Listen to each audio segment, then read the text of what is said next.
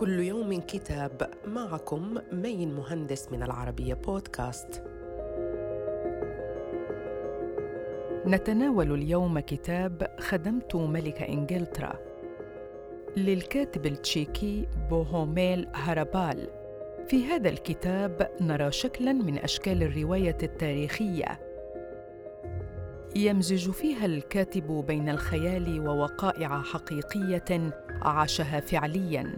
تتجلى التفاصيل فيها مفعمة بالتناقضات والسذاجة والعبثية والسخرية والدموع والمواقف التي لا تصدق.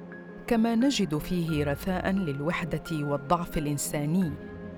وفي صفحاته الأولى نصيحة أشبه بالتحذير لقرائه يدعوهم فيها للانتباه لرسالته. صدر كتاب خدمت ملك إنجلترا عن دار صفصافه للنشر والتوزيع وإلى اللقاء مع كتاب جديد.